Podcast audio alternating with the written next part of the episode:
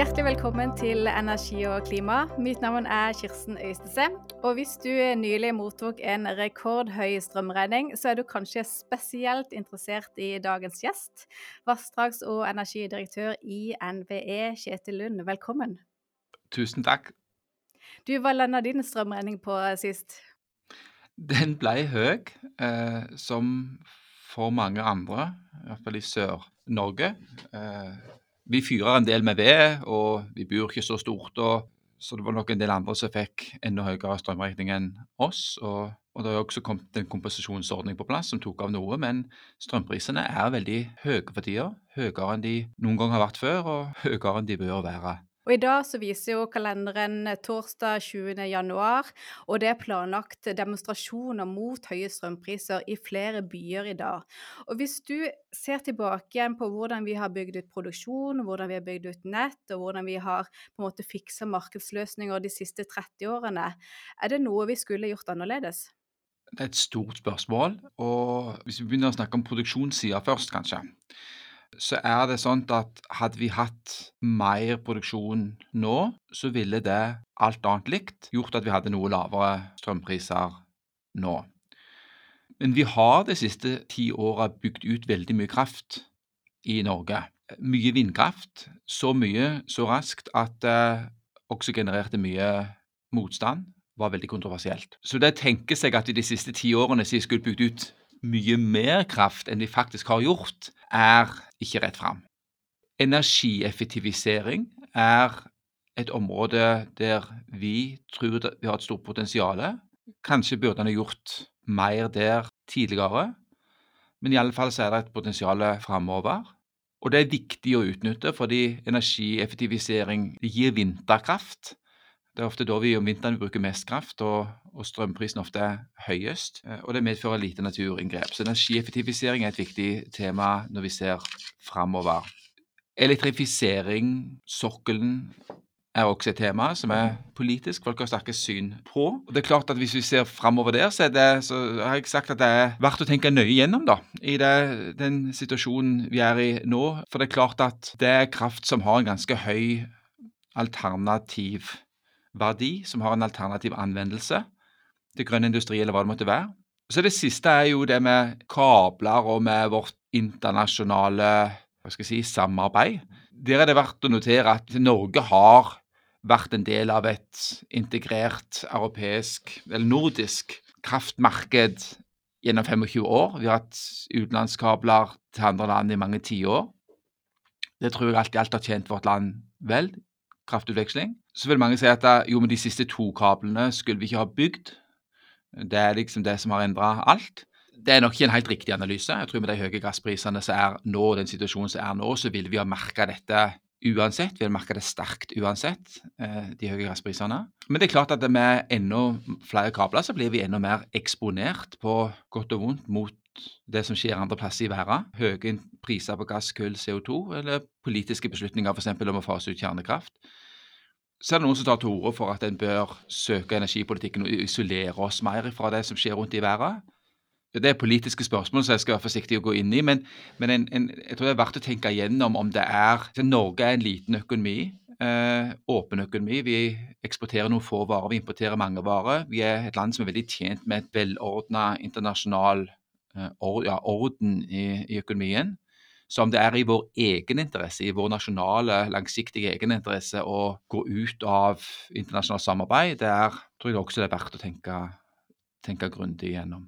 Dette med elektrifisering av sokkelen, det har du jo både snakket om og skrevet om ved flere anledninger såpass uh, mange ganger at en del har oppfattet det som at du er skeptisk til det at eh, du, du bruker ordene 'verdt å tenke gjennom'. Men, men, er det så sterkt som å si at du mener det er kanskje ikke den beste måten å bruke kraften på? Jeg er litt opp, opptatt av, av, roller her. Jeg tenker at dette er veldig politiske tema. Eh, og det er argumenter for å elektrifisere sokkelen. Det bidrar til å få ned de norske klimagassutslippene. Den globale virkningen er mer uklar. Men, men men det er klart at det internasjonale klimasamarbeidet er basert på logikken om at hvert land må redusere sine utslipp. Så det er argumenter for elektrifisering. Og, og, og det har vært en viktig del av norsk klimapolitikk, er det fremdeles. Mitt ærend har bare vært å si at, at men det kommer med en kostnad for samfunnet. Det er kraft som er verdifull, og som i den, særlig den situasjonen vi er i nå, med de ambisjonene vi har for økt forbruk og med de høye kraftprisene, så har det en høy alternativ kostnad. Og det, det gjør det viktig og riktig å tenke gjennom også dette som et av de mange veivalgene vi har foran oss i energi- og klimapolitikken framover. Det kommer mange forslag på bordet de siste ukene til hvordan vi nå må fikse energisystemet for å, for å, bedre på situasjonen. Og dette er jo politiske avveininger, og det er ikke din jobb å vedta politikken. Men hvis vi skal ta for oss tre av disse forslagene som er fremma, og så kan du på en måte greie ut hva er fordelene og ulempene ved, ved disse forslagene. Er du klar for det? Ja. ja. Første forslag, eh, det bør være en makspris på strøm. Ja, Det er jo et forslag som flere tar til orde for for tida. Og det er veldig forståelig. Eh, vi er nå i en situasjon der kraftprisene, eller strømprisene er høye. Eh, og det er klart Argumentet for en makspris er forutsigbarhet, stabilitet og lavere utgifter for folk, næringsliv. Så er det argumenter mot å innføre en makspris. Vi har jo ikke hatt makspris i Norge på 30 år. Eh, vi hadde det da heller, men da, da var Stortinget som beslutta strømprisene eh, før energiloven. Og det er Et argument mot makspris er at når prisene er høye eh, i et markedsbasert kraftsystem, så er det for en grunn. Det er et uttrykk for en eller annen form for knapphet. Og, og høye priser gir da et, et, insentiv eller et økonomisk motiv til å ja, redusere strømforbruk, husholdere med kraftforbruket. Og hvis du tar vekk det prissignalet, så kan du risikere at en allerede krevende situasjon faktisk blir verre.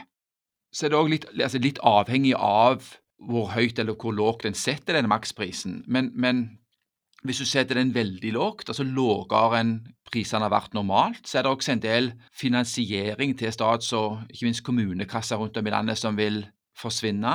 Dette er en sektor som med sine inntekter og skatter og avgifter og uh, utbytter bidrar til vesentlig finansiering av velferdstjenester rundt om i hele landet vårt. Og uh, mye av det som de engasjerte innleggene som har blitt skrevet de siste, uh, siste månedene om hvordan alt burde vært annerledes i kraftsystemet og, og faste lave priser og sånt, tar seg ofte ikke bryet med å forklare hva de mener som skal skje med de ansatte, de velferdstjenestene som de produserer rundt om i Kommune-Norge, rundt av fellestjenester. Skal de sies opp? Skal de kuttes? Uh, hva skal skje? Men alt dette vil da avhenge av hvor du eventuelt, hvor du eventuelt setter den maksprisen. Men dette er iallfall et argument mot en veldig låg makspris. Andre forslag. Vi må stoppe eksport av strøm når kraftprisen blir for høy eller vannstanden i magasinene blir for lav. Ja, igjen et veldig, politisk, veldig politiske spørsmål. Men hvis oppgaven var å greie ut argumenter for og mot Strømeksport er jo regulert av ganske det er en del avtaler og, og, og sånt. Jeg vet ikke om vi skal gå inn i det nå, men, men det forslaget eller den ideen som ofte blir fremma om at vi burde satt en minstegrense for fyllingsgrad. Viktig da å ha med seg at hvis du gjorde det, så er det Hvis myndighetene ga den beskjeden, så er, betyr det at kraftselskapet måtte holdt tilbake vann i mange situasjoner. Og det vil bety at strømprisene her og nå blir høyere. At du gir dem beskjed om at de ikke får lov å produsere, de må holde igjen vann. Og da går strømprisen opp her og nå, så man bør være klar over det, i hvert fall. Så er ofte begrunnelsen for å sette sånne grenser at, at det skal bidra til at vi ikke går tomme i magasinene. at for Hvis ikke så produserer man bare opp hele vannet om høsten, og så er det ikke noe igjen om utpå vinteren. Da er det viktig å huske på at det systemet, det markedsbaserte systemet vi har i dag, gjør at kraftprodusentene styrer ut ifra ja, det man kaller for vannverdier. Eh, så det betyr at hvis du tror at vi kommer til å gå helt tom for strøm Nei, unnskyld, tom for vann lenger ute på vinteren, og prisene skal bli kjempehøye, ja, da har selskapene sjøl et veldig sterkt økonomisk motiv for nettopp å holde tilbake vannet, eh, og da selge til høye priser senere på vinteren. Og det i seg sjøl bidrar til at prisene kanskje, kanskje ikke blir så, så høye. Så, så, så systemet er rigga for å hensynta en effektiv disponering av vannressursene gjennom vinteren. Så hvis en skal sette sånne grenser, så må det eventuelt være basert på en idé om at det finnes noen byråkrater eller politikere i NVE eller departementet eller hvor det en skulle sitte, som, som, har bedre innsikt i dette om værmeldinger og, og markedsutvikling og, og, og, forbruk utover vinteren og, og sånt, enn selskapene sjøl. Og det er ikke opplagt. Og det er også sånn at Hvis en da setter de grensene feil, så, så, så kan du risikere at det renner over, og du kan få sløse med verdifullt vann.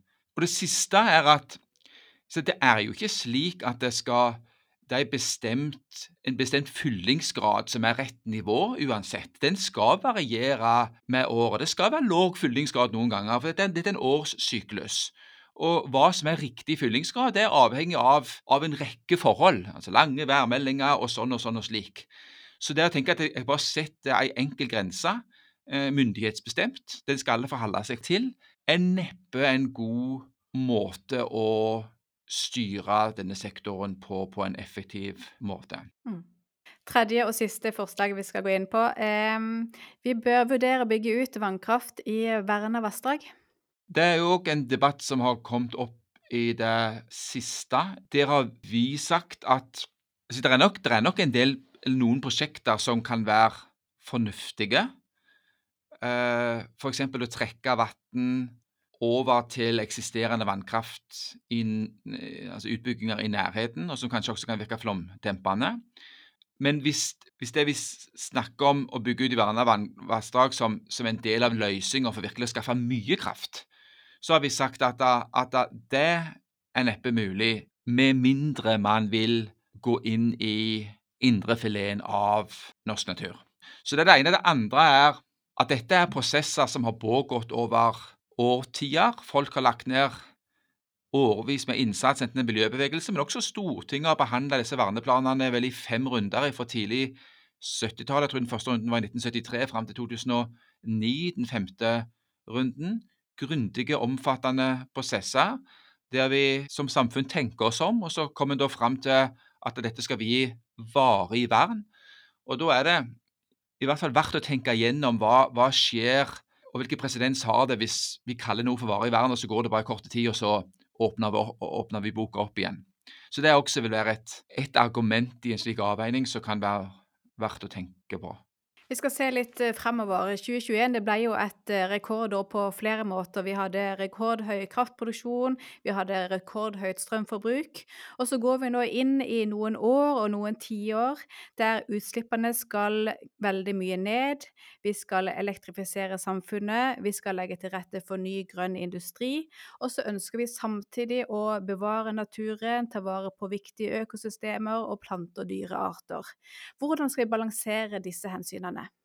Nei, vi har noen, vi har noen tunge og ja, på alle måter krevende avveininger foran oss i energipolitikken i Norge, og i de fleste andre land, bare for å si det.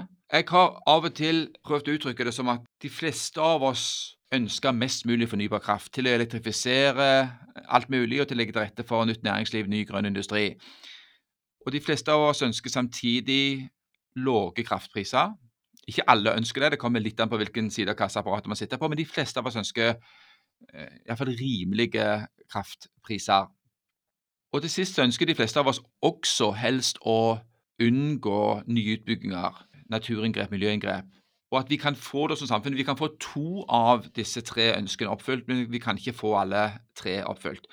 Eh, det, er, det, er, en litt forenkla tankemodell, for all del, men, men, men jeg syns den gir litt mening, for den tvinger deg til å forhold deg til at det er avveininger.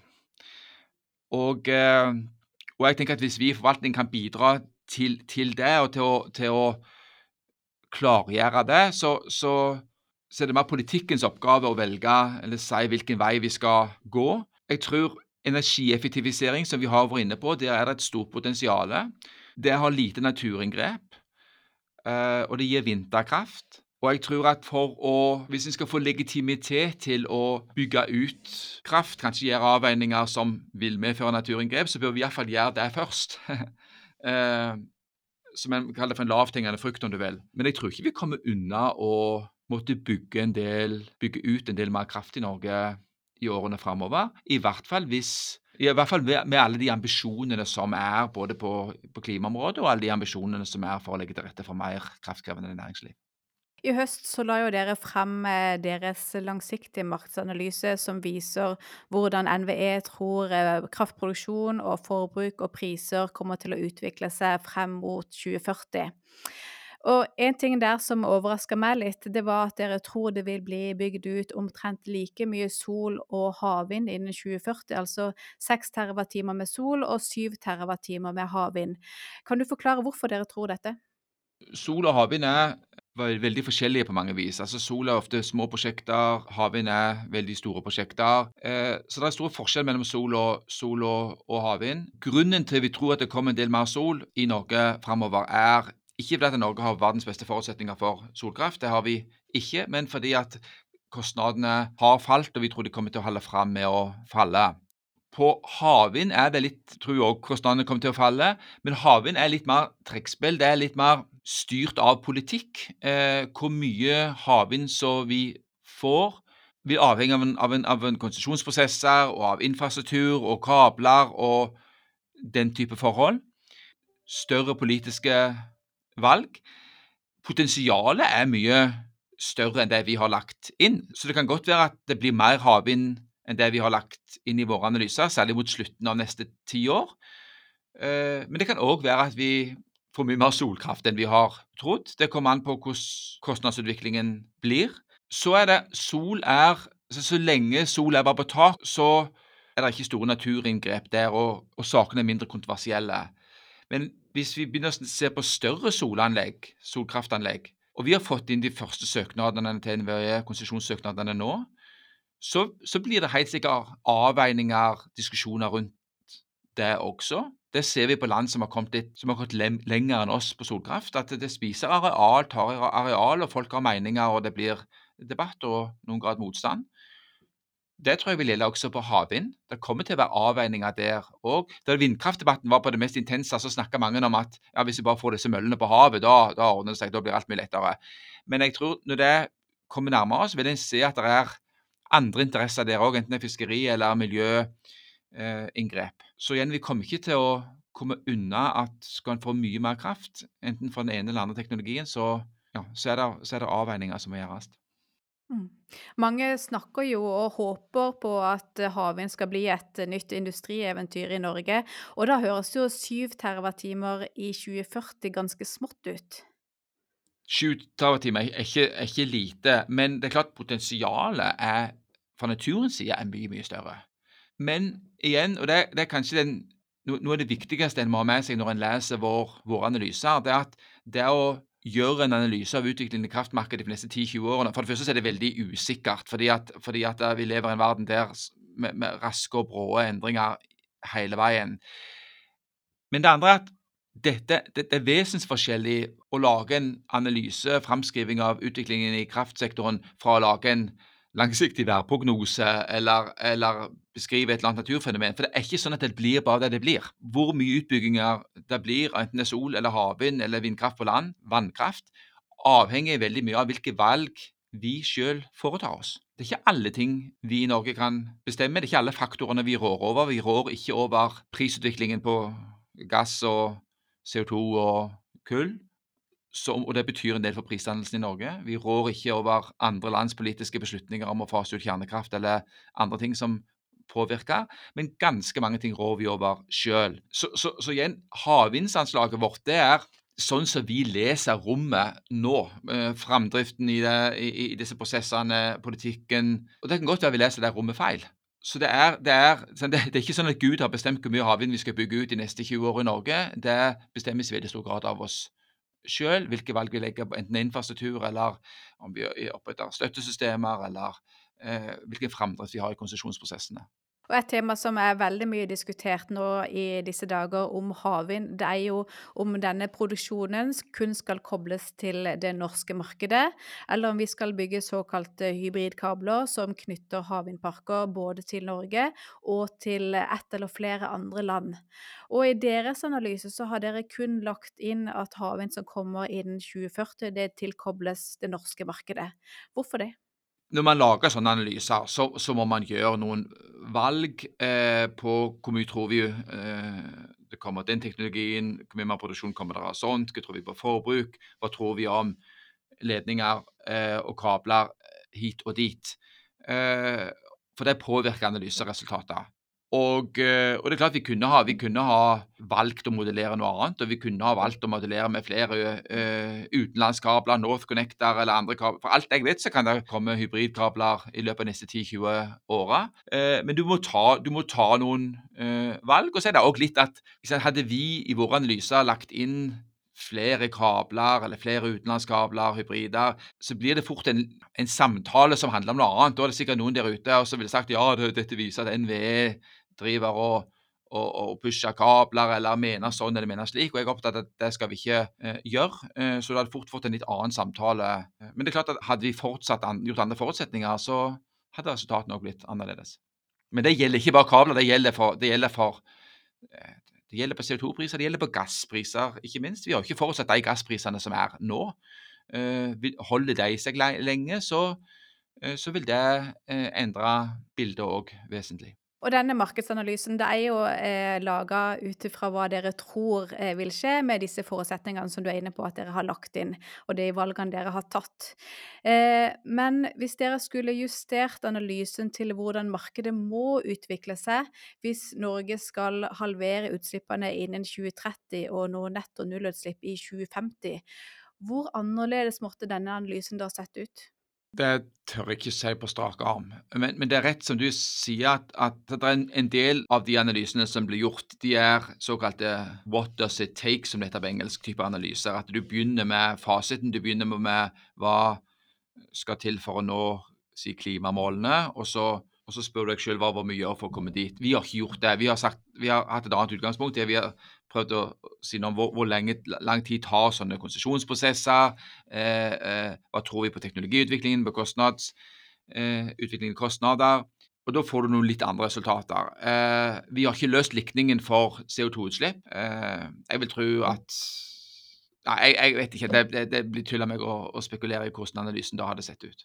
Vi må innom eh, prisprognosene deres også, for det, det, er jo tross alt det som mange, både privatkunder og industrien, er mest opptatt av når, når, dere og andre viktige aktører ser langt frem i tid. Hvordan ser verden ut i 2030 og 2040? Hva tror dere om eh, den langsiktige prisutviklingen?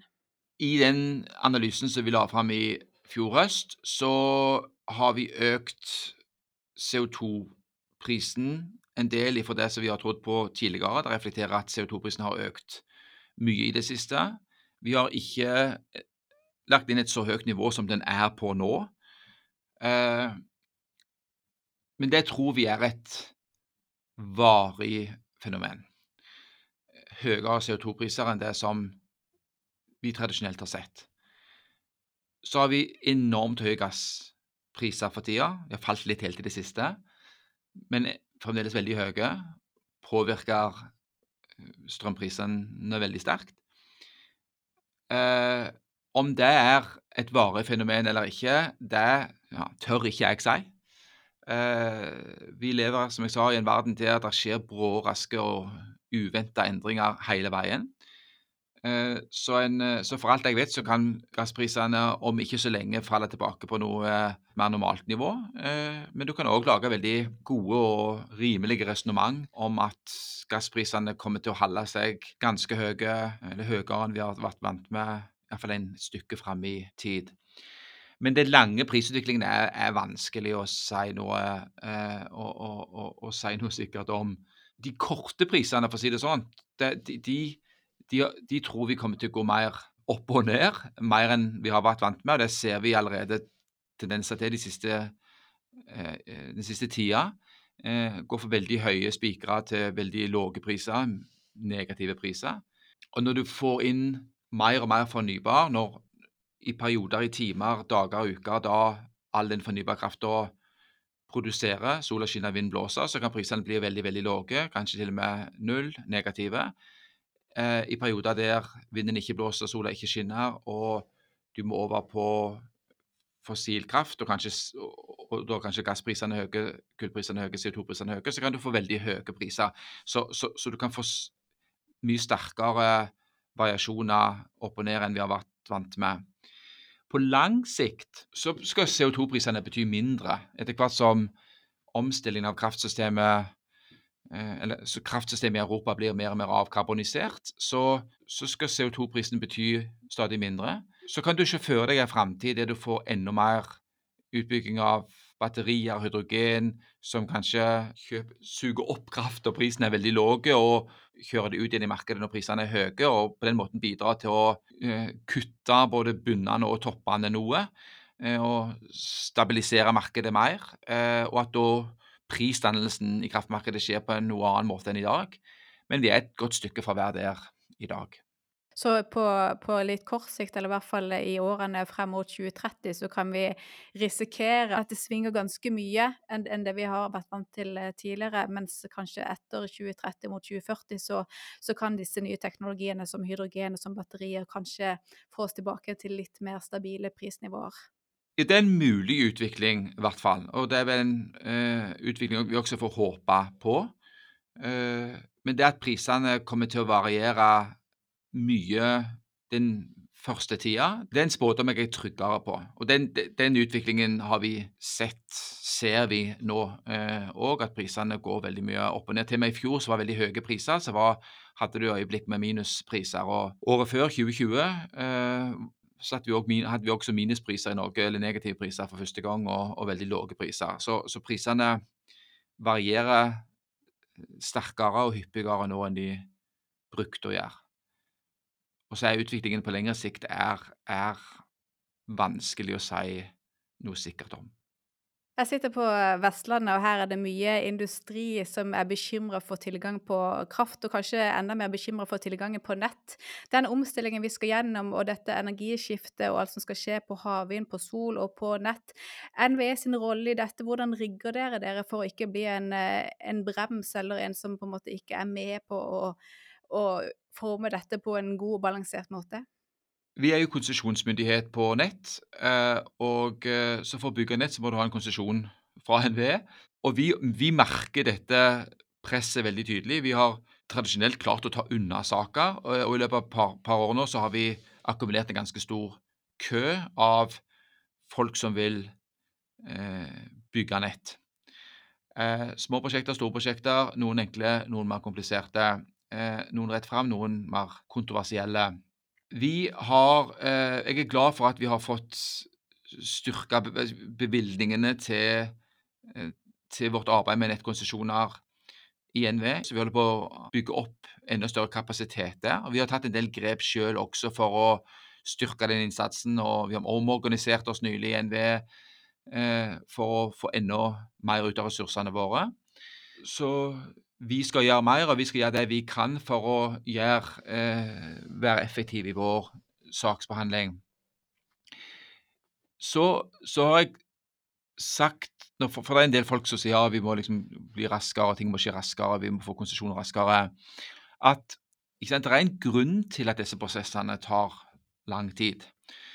Eh, og eh, så Hadde det vært bare utfordringen bare var å få en eller annen smart kar til å utvikle en app så du kunne trykke på, og så får du en konsesjon sånn som du, du leverer sjølmeldinga di, så hadde problemet vært løst. Så grunnen til det tar lang tid, Kirsten, er at det er Vi har valgt i Norge å legge vekt på at folk skal ha anledning til å rette opp hånda og si dette er jeg imot, eh, eh, komme fram med sitt syn. Så det er masse regelverk rundt dette som handler om, om, om, folkemøter og høringer. og Mye av det har kommet på plass etter at hvis du husker tilbake ti år, f.eks. Sima Samnanger, så det var et stort spørsmål om hvorvidt en skulle bygge styrke kraftforsyningen til Bergen. Eh, og etterpå det så kom det enda flere si, regler, prosessregler for, eh, for slike for, for nettutbygginger. Og jeg tror det er viktig å holde på mye av det. Fordi at uh, dette er saker som folk mener sterkt om. Så når folk skal bygge nett, eller for så vidt bygge vindkraft for den saks skyld, i nærheten av der du bor eller har hytte, eller hva det måtte være, så, så da må du ta deg bryet med å høre på de argumentene, gå i de heiene, uh, høre på påstander om naturinngrep og sånn og sånt, og at traseen heller bør gå her og, og ikke gå der. Uh, delta i de folkemøtene. Det handler både om kvaliteten i de beslutningene vi skal ta. I mer enn 50% av sakene så blir vår endelige beslutning endra litt gjennom den prosessen. Eh, så det handler om kvaliteten. Det handler også om legitimiteten. Uh, at du ikke bare har sittet inn i, på Majorstua i Oslo og sett inn i en datamaskin, men, men faktisk satt deg inn i virkningene lokalt. og folkestyret tar tid. så det er den avveiningen vi står i. Så, så, for all del, vi skal prøve å gjøre ting raskere. og Det er satt ned et nettutvalg, en NOU, som skal se på hvordan disse prosessene kan skje raskere. og det er helt sikkert litt å hente der, men det kommer til å ta tid også i framtida å bygge nett. Det tror jeg vi må ta inn over oss. Jeg tror vi lar det være siste ord, så må du ha eh, lykke til med det arbeidet, og tusen takk for praten. Takk til deg. Takk også til du som eh, lytter på. Abonner gjerne på Energi og klima i din foretrukne podkastapplikasjon. Takk for i dag.